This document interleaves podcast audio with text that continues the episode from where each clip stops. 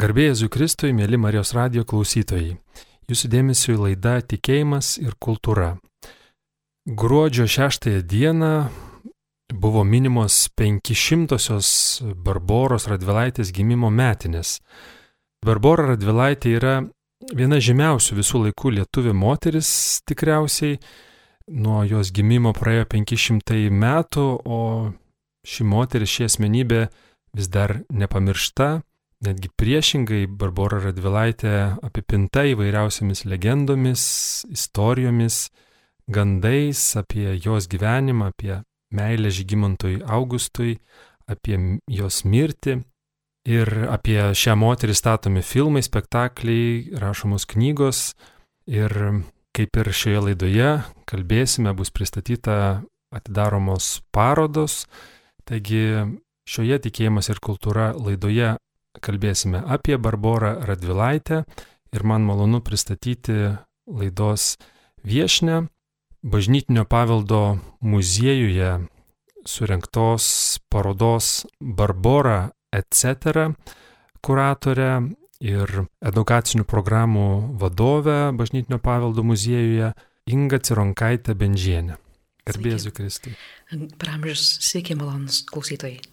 Pirmiausia, galbūt e, galėtume susipažinti dar labiau e, su Barbara Radvilaitė, tiesiog laidos pradžiai, kuo ji garsi, koks buvo jos gyvenimas.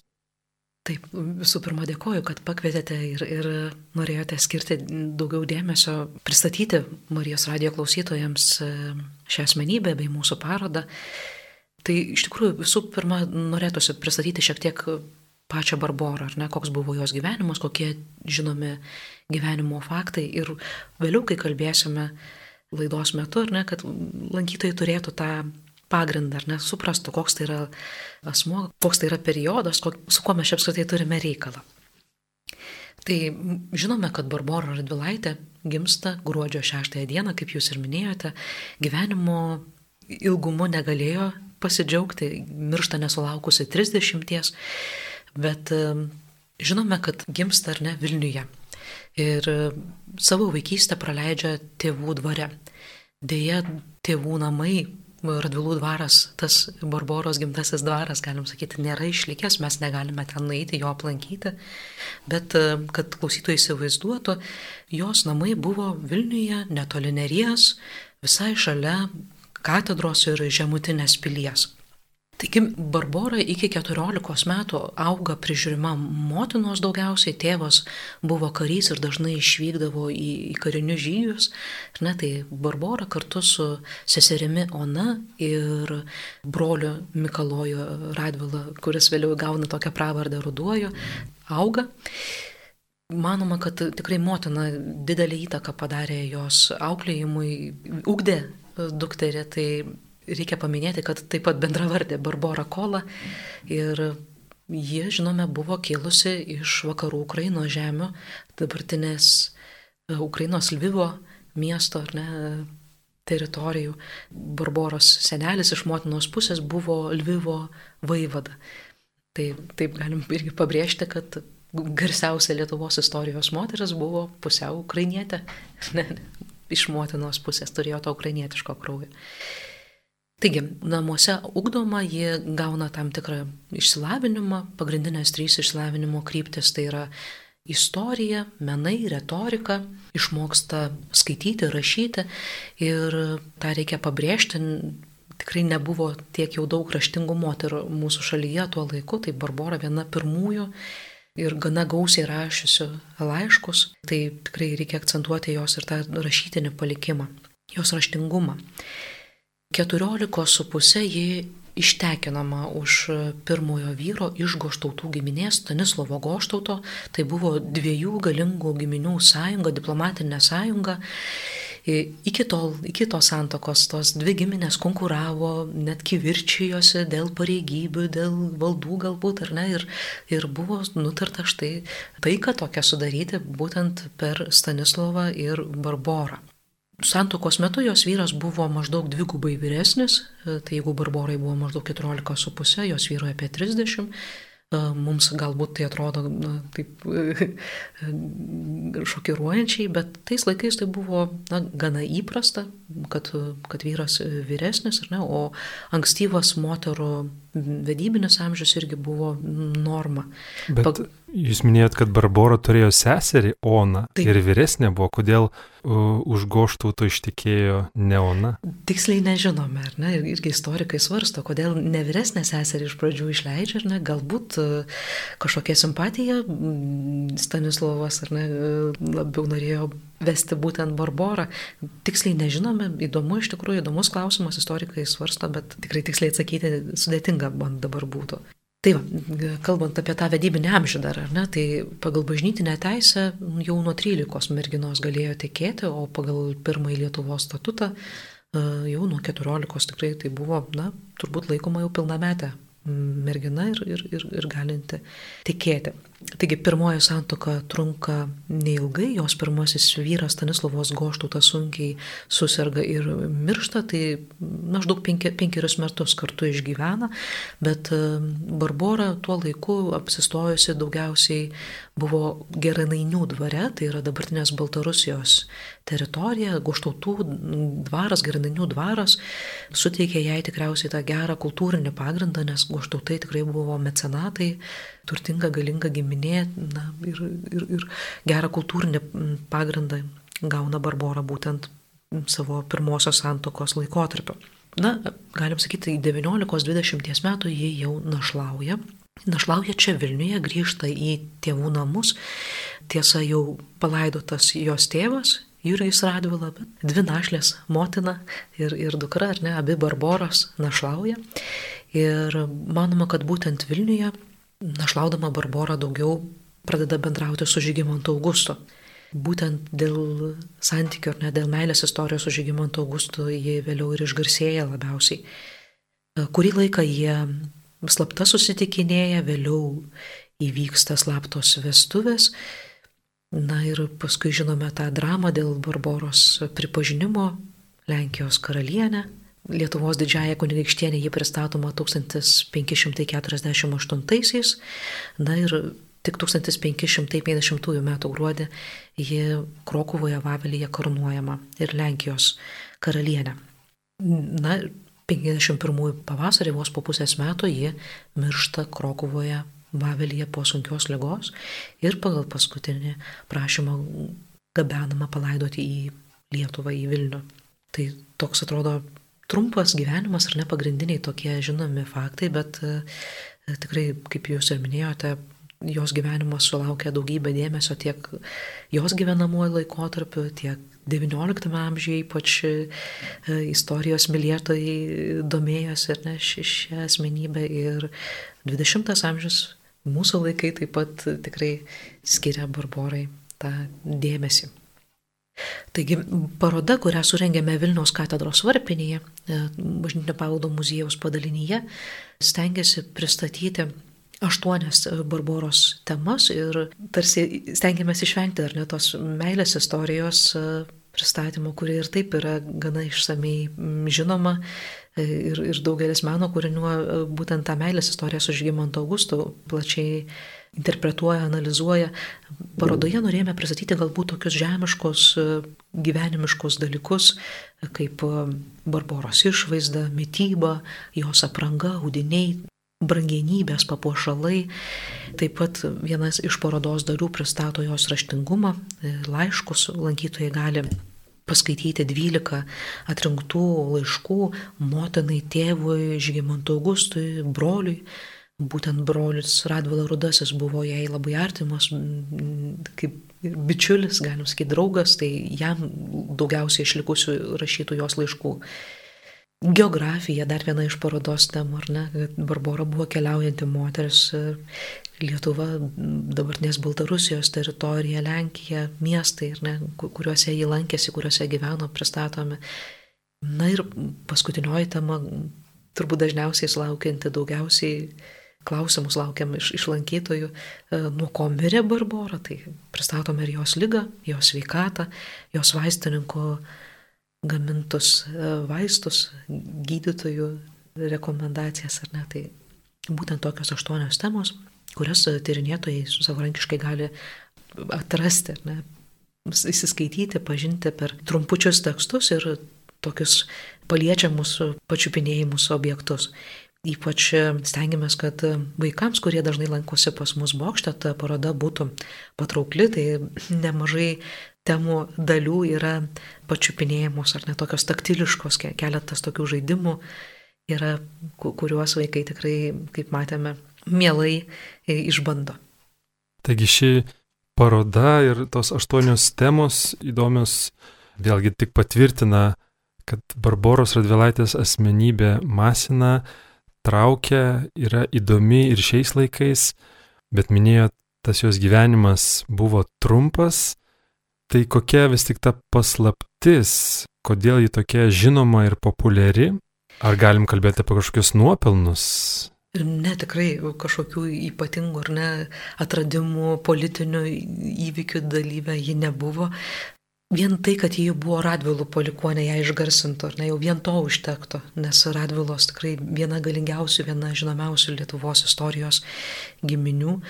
Galbūt patys Barboros išlikė laiškai, ar ne, jos va toks asmeniškas labai dalykas, prieinamas mums ir šiandien, paskaitomas, traukia Aišku, legendos apie jos grožį, apie tą meilės istoriją, apie trumpą dramatišką atomasgą jos gyvenimo, tai, na, daro turbūt visą tai ją vieną patraukliausių mūsų istorijos asmenybių.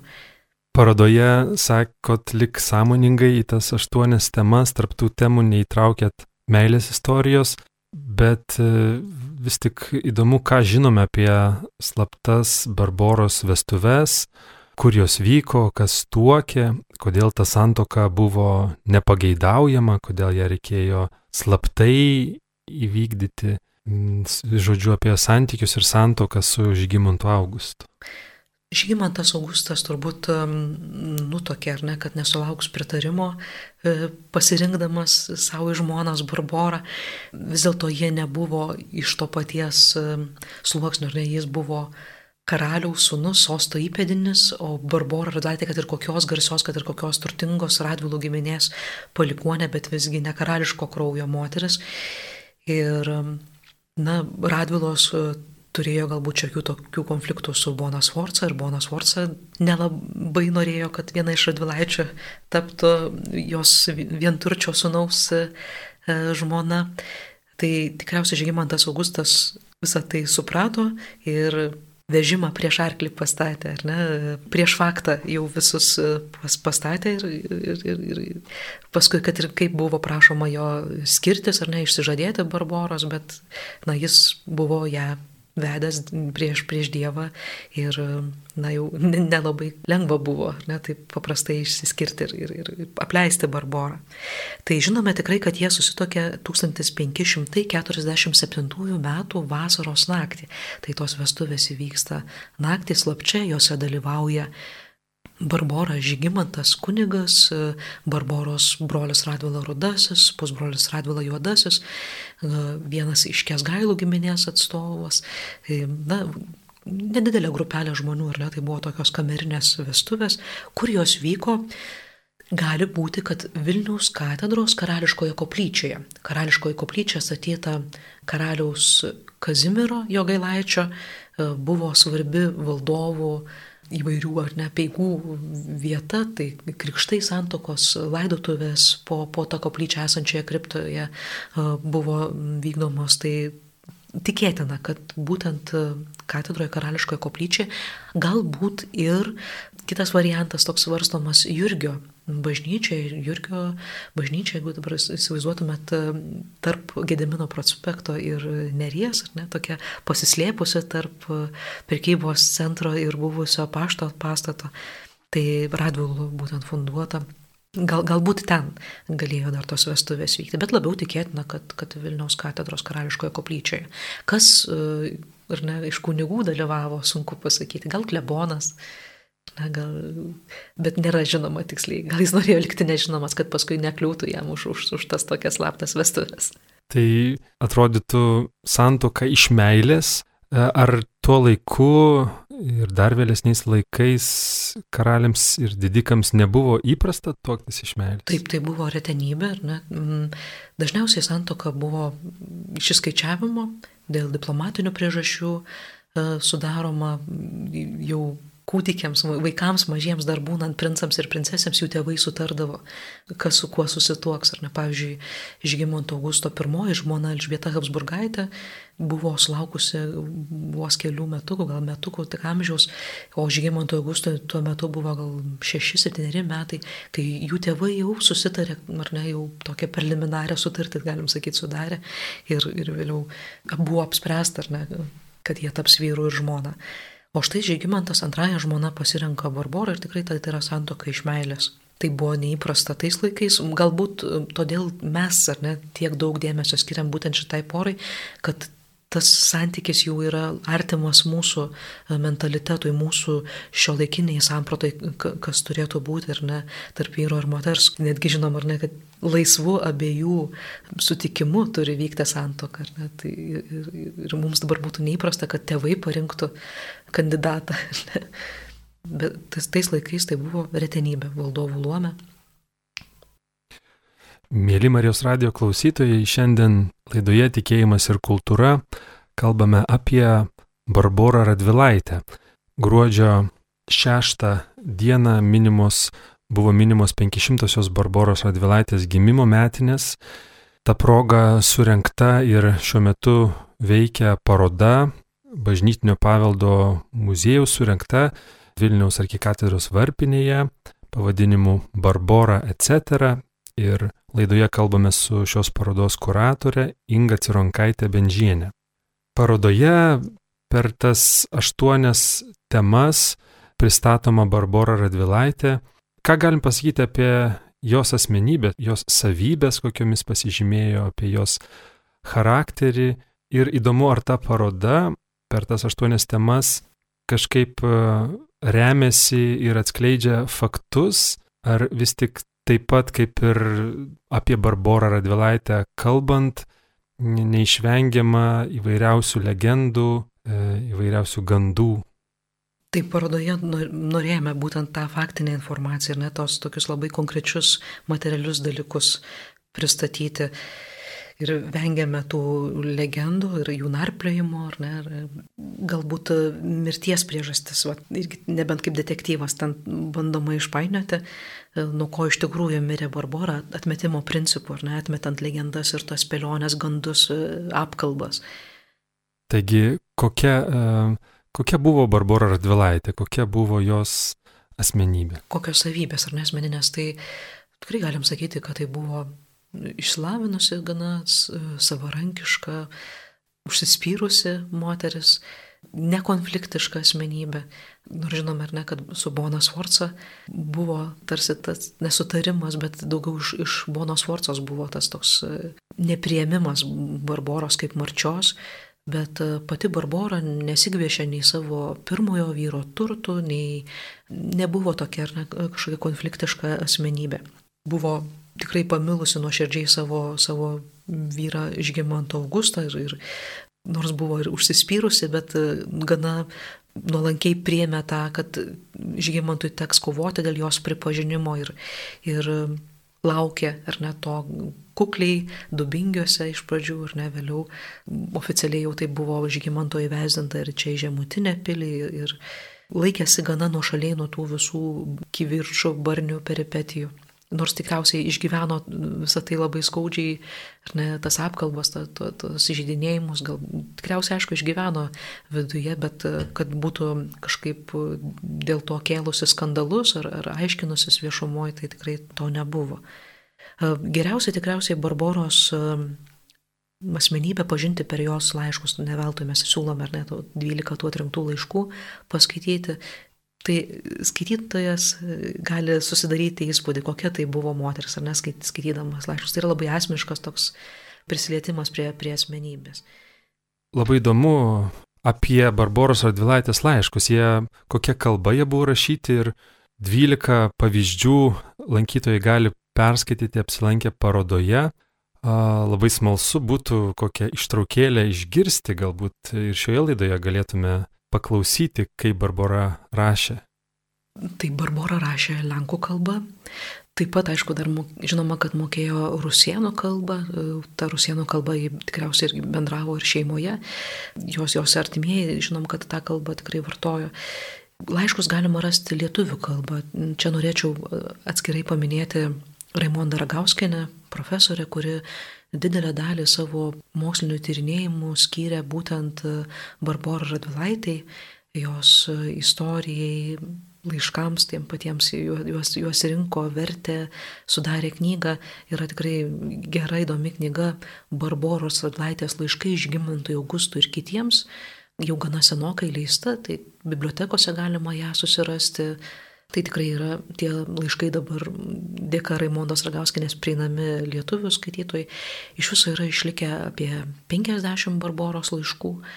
Na ir norėčiau čia paskaityti ištrauką iš vieno Barboros laiško, rašyto vyrui Žygimantui Augustui. E, čia laiškas rašytas 47 metų rudenį, netrukus po jų vedybų, e, periodas, e, kai Barbora viena dubingiuose laukia ir ne, kol, kol Žygimantas Augustas iškovos galbūt tą jos pripažinimą. Taigi, cituoju laišką rašytą Barboros Zidlaitės. Šviesiausiasis maloningasis karaliau, Pone, pone man maloningai palankus. Iš, iš jūsų karališkosios malonybės laiško sužinojau apie jūsų karališkosios malonybės mano maloningojo pono gerą sveikatą ir laimingą kelionę.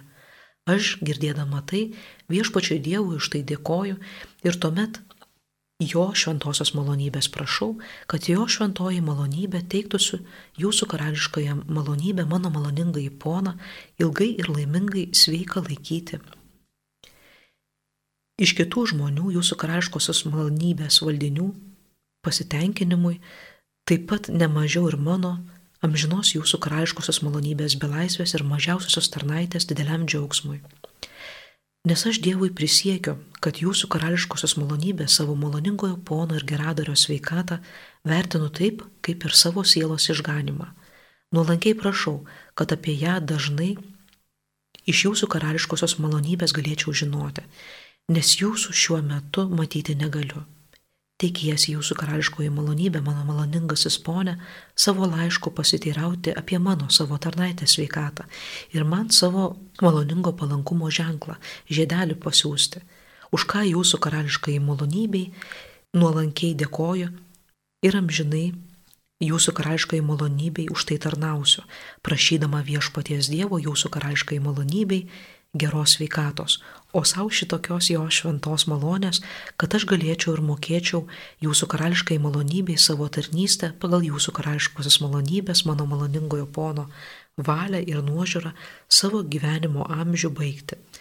Tuomet aš, būdama dėkinga už malonę, ar galiu iš tiesų pasakyti, už jūsų karališkosios malonybės savo maloningo pono ir geradario gailestingumą, trokšto amžinai ištikimai tarnauti jūsų karališkai malonybei. Nuolankiai prašau, kad jūsų karališkoji malonybė, turėdamas prieš savo akis tą žiedelį, kurį jūsų karališkai malonybei šiame savo laiške siunčiu, teiktųsi būti man maloningų ponų, laikydamas mane savo maloningoje atmintyje, iš kurios, kad nebūčiau apleista, nužemintai, prašau. Iš jūsų karališkosios malonybės mano maloningo pono laiško taip pat sužinojau, kad jūsų karališkoji malonybė Dievo malonė teikėsi laimingai persikelti per vyslą. Viešpačiai Dievui aš už tai dėkoju, tačiau labai prašau jo, jo šventosios malonybės to, kad kuo greičiau patirčiau jūsų karališkąją malonybę savo maloningą į poną iš užnemono atgal grįžtant. Tad Antrą kartą savo tarnystę jūsų karališkosios malonybės, savo maloningojo pono maloningajam palankumui pavedu. Jūsų karališkosios malonybės mažiausiai tarnaitė Barbara Radvilaitė. Tai. Labai įdomus, labai įdomu girdėti toks nuolankumas, kuklumas, nusižeminimas, mandagumas kažkoks jaučiasi Taip, nu, atrodo, ar ne, nors tai yra vyras ir žmona, bet e, laiškas vis tiek e, išlaiko, ar ne, tą pagarbą valdovui, vis tiek laiškas nėra kažkoks familiarus ar būtiškas, bet laikosi visų krypinių į karalių normų. Ir galbūt šiek tiek kartais juokingai net atrodo, ar net tas jūsų karališkosios malonybės vartojimas kaip perteklinis, bet na, tikrai mokysis retorikos, ar ne, galbūt ir brolio patariama, na, Barbora vis tiek stengiasi laiškė išlaikyti tą tokią pagarbą, kad, kad nebūtų galbūt tie laiškai panaudoti vėliau kaip kažkieno blogam ar ne kaip nepagarba karaliui ar, ar kažkaip. Taip, taip, ir čia toks va, vienas pavyzdys, ne, ir, ir, ir matom, kad laiške tikrai dažnai minimas e, Dievas, tai ir dėkojama Dievui, prašoma, pavedama Dievui ir ne Dievo malonė dažnai minima, tai jeigu žiūrėtumėm į jos laiškus, tai Dievo paminėjimas tikrai labai dažnas. Aišku, galim vieną vertus laikyti tai tokia retorikos priemonė, bet e, žinant, kad Barbora na, laiškose gana nuoširdė, tai galim tai laikyti ir jos asmeninio tikėjimo vienokia ir kitokia išraiška. Taip, iš tikrųjų, krikščioniškas įstikėjimas ir barbara, kas bendro, tai mes galim tai matyti iš laiškų, iš santokos krikščioniškos e, siekio. Ką dar galim pasakyti iš šitą klausimą? Kokią reikšmę Barbara teikia tikėjimui kaip tai atsispindėjo jos gyvenime. Apie kažkokias išskirtinės jos maldingumo praktikas e, neturime žinių, kad būtų išlikę jos kokie maldynai ar, ar būtų žinoma apie jos kokią piligriminę kelionę. Na, tai to, to nėra, bet tikrai Barbora laikėsi tuo metu įprasto krikščionės katalikės moters gyvenimo. E, žinome, kad griežtai gana laikėsi pasninko, e, tai atsispindi jos valgeraštyje, kad pasninko metu valgydavo kukliau, dažniausiai rinkdavosi žuvį. Ir ne, taip pat kalendorius, tos visos bažnytinės šventės e, buvo irgi gyvenimo e, įprastas toks dalykas, ne, visa, visas gyvenimo rėmas, toks struktūra, kalėdos, Velykos, šventųjų tam tikri minėjimai, net laiškuose, ne, pasirašydama, jei pamini, ar tai yra kažkokio šventojo minėjimo išvakarės, ar, ar šventojo minėjimo diena. Tai ta katalikiška ar ne laiko skaičiavimo, matavimo praktika tikrai barborai buvo natūraliai turbūt nuo vaikystės primtina.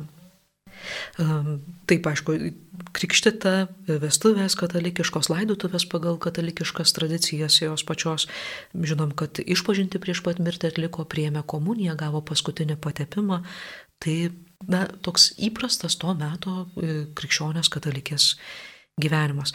Aišku, kartais taip yra pasakoma, kad, na, jeigu kaip tapusi karalienė būtų daugiau dėmesio skyrusi vargšams, galbūt kažkiek daugiau juos šelpusi, gal, galbūt tobuliau būtų tą katalikės gyvenimą išpildžiusi, bet, na, Trumpai te buvo karalienė taip, ir jau buvo. Labai buvo ir, ir labai sunkiai sirgo, žinom, ar ne? Taip. Jau, jau po, po to oficialaus pripažinimo. Na, galbūt toks vienas išskirtinis periodas, e, tai būtent po jų slaptųjų vestuvių, e, kai Barbora gyvena Dubingiuose, žinome, kad e, veikiausiai jai buvo labai priimtina švento pranciškaus dvasingumas, nes būtent tuo laikotarpiu ji net aprangą pasirenka kaip pranciškonės, kaip pranciškonės tretininkės, atsideda daugiau maldai, mišių lankymui ir, ir kažkiek remia šelpia vargšus, būtent 47 metų rudenį. Tai toks va, asketiškas, net galim sakyti, periodas, ar ne, laukiant, e, sugrįžtant vyro, laukiant to pripažinimo karalienę. Kalbant apie e, gandus ir legendas, e, minint Barboros Radvilaitės 500-asias gimimo metnes, reiktų priminti ir legendą, kurioje jos vardas siejamas su aušos vartų paveikslu. Iš kur toks pasakojimas kilo ir kodėl jis netitinka tikrovės. Taip, čia jūs taikliai vardinot, kad tai yra legenda. Na ir vien tai, kad aušos vartų paveikslas tapytas 17 šimtmetyje, ar ne, jau vien tas laikotarpio netitikimas jau mums pasako, kad tai nėra Barboros portretas. Na ir... Bet yra versija, kad mhm. aušos vartų paveikslas, užos vartų Marija, yra iš tiesų pavaizduota Barbora, tokia legenda. Taip, manyta, kad ar ne, kad tai galėtų būti Barboros portretas. Čia Jūrašo drama būtent e, ir, ir spektaklis galbūt 20-ojo e, amžiaus antroje pusėje ypač tą, tą legendą paskatino, nes ten Barbora pavaizduota tokia tarsi pasiaukojusi, globojusi Lietuvą, ne? ir na, scena tokia net tarsi sulyginant Barborą su aušos varto Dievo motina, galbūt e, tai kažkiek tokios sąsajas dar paskatino, bet Tikrai žinom, kad aušos vartų Marijos paveikslas kabojas iš pradžių vartų angoje, vėliau medinėje koplyčioje, po gaisro mūrinėje koplyčioje, karmelitų maldingumas tas skatintas būtent tam paveikslui. XIX amžiui paveikslas ypač išgarsėja. Gal, gal čia dar viena koreliacija, nes uh, būtent XIX amžiuje ir Barbora atrandama tarsi iš naujo, ne, ir jos imaginaciniai portretai plinta, gal uh, žmonės kažkiek nesąmoningai juos, juos lygino, ar ne, ir gal tokių minčių buvo kilę. Na, taip pat reikia pažymėti, kad aušos vartų Marija pavaizduota be kūdikėlio ar ne be kūdikio Jėzaus. Žinome irgi, kad Barbora taip ir nesusilaukė vaikų, nors istorikai svarsto, kad veikiausiai jį patyrė bent keletą persileidimų. Ne? Tai žiūrint į mergelę Mariją be kūdikio, tai tokia galbūt irgi čia kažkiek susisieja ne, ta Barboros gyvenimo istorija.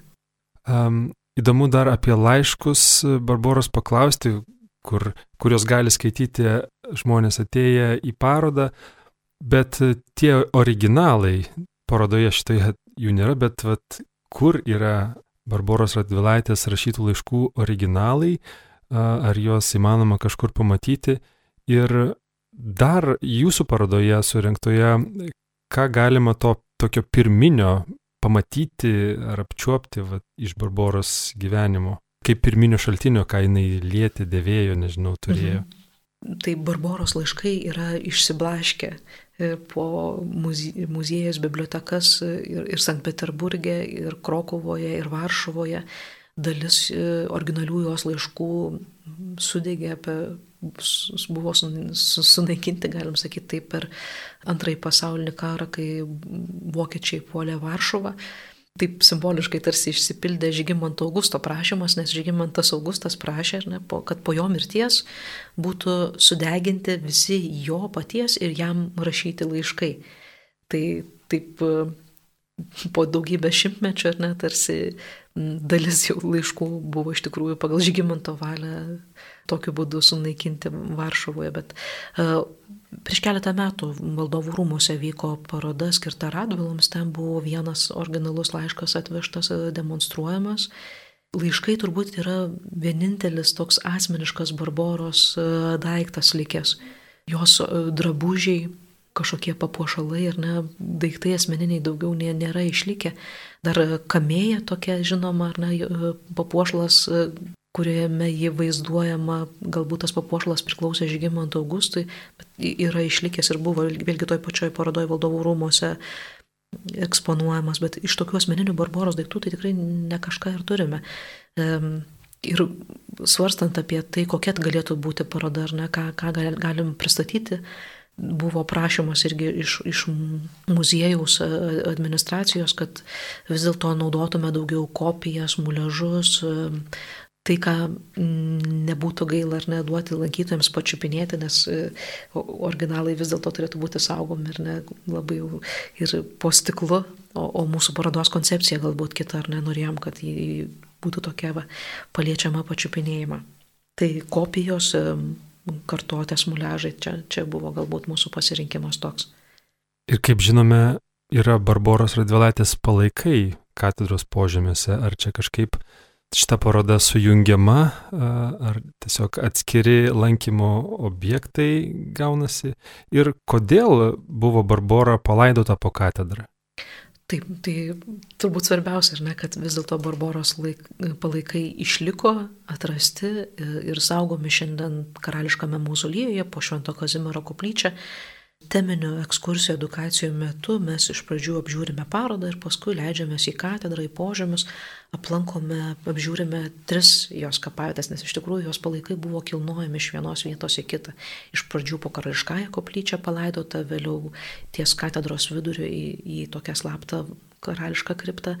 E, Barbora buvo perkeltas 17 šimtmetyje ir 20 amžiaus 1900 ir net 31 metais po didžiojo neries potvinio didysis atradimas, kai atrandami ir Aleksandras ir Elžbieta ir Barbora, tai po to atradimo būtent po Švento Kazimiero koplyčia buvo įrengtas specialiai naujas kapas valdovams, e, karališkasis mauzoliejus, tai ten šiuo metu ilsisi Barbora. Tai tokių teminių ekskursijų metu, kaip sakiau, ap aplankome tas kapavietės ir turbūt staptelėme prie Barboros karsto, ten pakalbame apie jos gyvenimą ar ne apie tas, visus tos dalykus, ką, ką čia dabar kalbame laidoje. Ir po katedrą jos palaikai atgulė, nes tai buvo jos prašymas. Taip, Manoma, kad paskutinėmis gyvenimo dienomis, ar ne jau kamuojama sunkios lygos, Barbora prašė Žygimanto Augusto, kad ji būtų parvežta į gimtinę, į Vilnių, į mylimą miestą ir palaidota būtent Lietuvoje. Žygimantas Augustas tikrai su didžiuliu užsispyrimu tą jos paskutinį prašymą išpildė, nors tai ir užtruko ilgai, ir kainavo brangiai. Iš viso laidutuvės, įsivaizduokit, truko apie du mėnesius. Barbora mirė gegužės pradžioj, e, gegužės pabaigoje iš, išgabenama iš Krokuvos ir tik birželio pabaigoje palaidojama jau Vilniaus katedros požemiuose. Tai vien kelionė apie tūkstantis kilometrų, ar ne, užtrunka tikrai, tikrai nemažai. Tai taip yra netgi išlikęs e, toks Žygimanto Augusto turbūt įskaudinto ir supykusio, gedinčio sakinys, kad na, nenorėjo būti dėkingi Barborai jai gyvai esant, tai neturės jos ir mirusios. Tai tarsi vis tiek Barbora taip ir nebuvo maloniai pripažinta, priimta Krokovoje, tai dėl to ją parvežė ten, kur jie jautėsi laiminga, ar ne, kur, kur jautėsi kaip namuose į Vilnių. Ar toks e, prašymas, noras būti palaidotai Vilniuje buvo kažkoks vėlgi neįprastas, buvo karalieniai paruošta vieta Krokuvai ir kaip tai, kaip tai atrodė tuo met, toks, tokių laidotuvių įgyvendinimas ir toks noras paskutinis. Na, Radvila Rudasis, va, brolius irgi prašė, kad jau jeigu iškovojai tą karūnavimą, ar ne, ir, ir tegul būna Barbora palaidota prie kitų pateptųjų, prie kitų karalių. Taip pat net brolis artimas ar net tas bičiulis žmogus, na, galbūt irgi įsivaizduodamas, kad tai bus labai sudėtinga kelionė, labai sudėtingos tos ir ilgos laidotuvės ištestos, prašė, kad vis dėlto jo sesuo būtų palaidota Vavelyje. Tuo metu didikai Lenkai ir, ir netgi įsivaizdavo, kad tai kainuos labai brangiai Iš tikrųjų, apie, manoma, kad visų metų karališko dvaro biudžetą kainavo tos laidotuvės, ar ne, tai buvo didžiuliai pinigai, didžiulės išlaidos. Tai dėl tokių pragmatiškų priežasčių buvo raginamas Žygimantas Augustas laidoti Barborą tiesiog e, Vavelyje. Tai, tai būtų buvę greičiau, paprasčiau, ne, ne, ne, ne tai brangu. Bet e, vis dėlto Žygimanto Augustui buvo svarbus tas Barboros prašymas ir, kaip sako istorikai, jai gyvai būnant e, visus jos prašymus vykdė ją gausiai džiugindavo dovanomis ir, ir tą paskutinį prašymą irgi norėjo iki galo įvykdyti. Iš tikrųjų labai įdomus klausimai apie Barborą Radvilaitę ir na, įdomu kalbėti, sužinoti naujų dalykų, prisiminti jos asmenybę ir netgi galbūt legendas susijusias su Barbora Radvilaitė. Dėjo laidos laikas jau baigėsi. Mėly klausytojai, šiandien apie Barborą Radvilaitę, jos 500-ųjų gimimo metinių proga, tos metinės buvo gruodžio 6 dieną, kalbėjomės laidoje ir šių metinių proga ir tikriausiai siejasi ir su Vilniaus jubiliejumi, bažnytinio paveldo muziejus Vilniaus arkikatedros varpinėje suringė parodą, kuri vadinasi Barbora etc nespėjom pakalbėti, kodėl būtent taip vadinasi, bet kiekvienas apsilankęs galėsit sužinoti. E, kalbėjome su parodos kuratore Inga Cironkaitė Benžienė, kuri taip pat yra muziejuje edukacinių programų vadovė. Ir galbūt visiškai laidos pabaigai, Inga, dar galėtumėt paminėti praktinius dalykus, kaip žmonės e, ir kiek dar laiko gali aplankyti šią parodą. Paroda vyks iki gegužės mėnesio. Gegužės mėnesį jau dabar rengiame naują parodą, keisime jas, bet visą tą laiką galima savarankiškai apsilankyti ir net tiesiog užėjus į varpinę, nusipirkus lankytojo biletą, nueiti į užkopti į ketvirtą varpinės aukštą ir savarankiškai tyrinėti to simboliško baldo stalčiukus, arba galima užsiregistruoti į ekskursiją, edukaciją, tai jau tada su gidu, su visų pasakojimu, ar ne, ne tik parodą apžiūrėsite, bet nueisite, kaip minėjau, ir į katedrą, į katedros požemius, į karališką koplyčią. Ačiū labai Jums, Inga, už dalyvavimą šioje laidoje. Ačiū, mėly klausytojai, uždėmesi. Laidą vedžiau aš Rimas Macevičius. Likite ir toliau su Marijos radiju. Sudie. Sudie.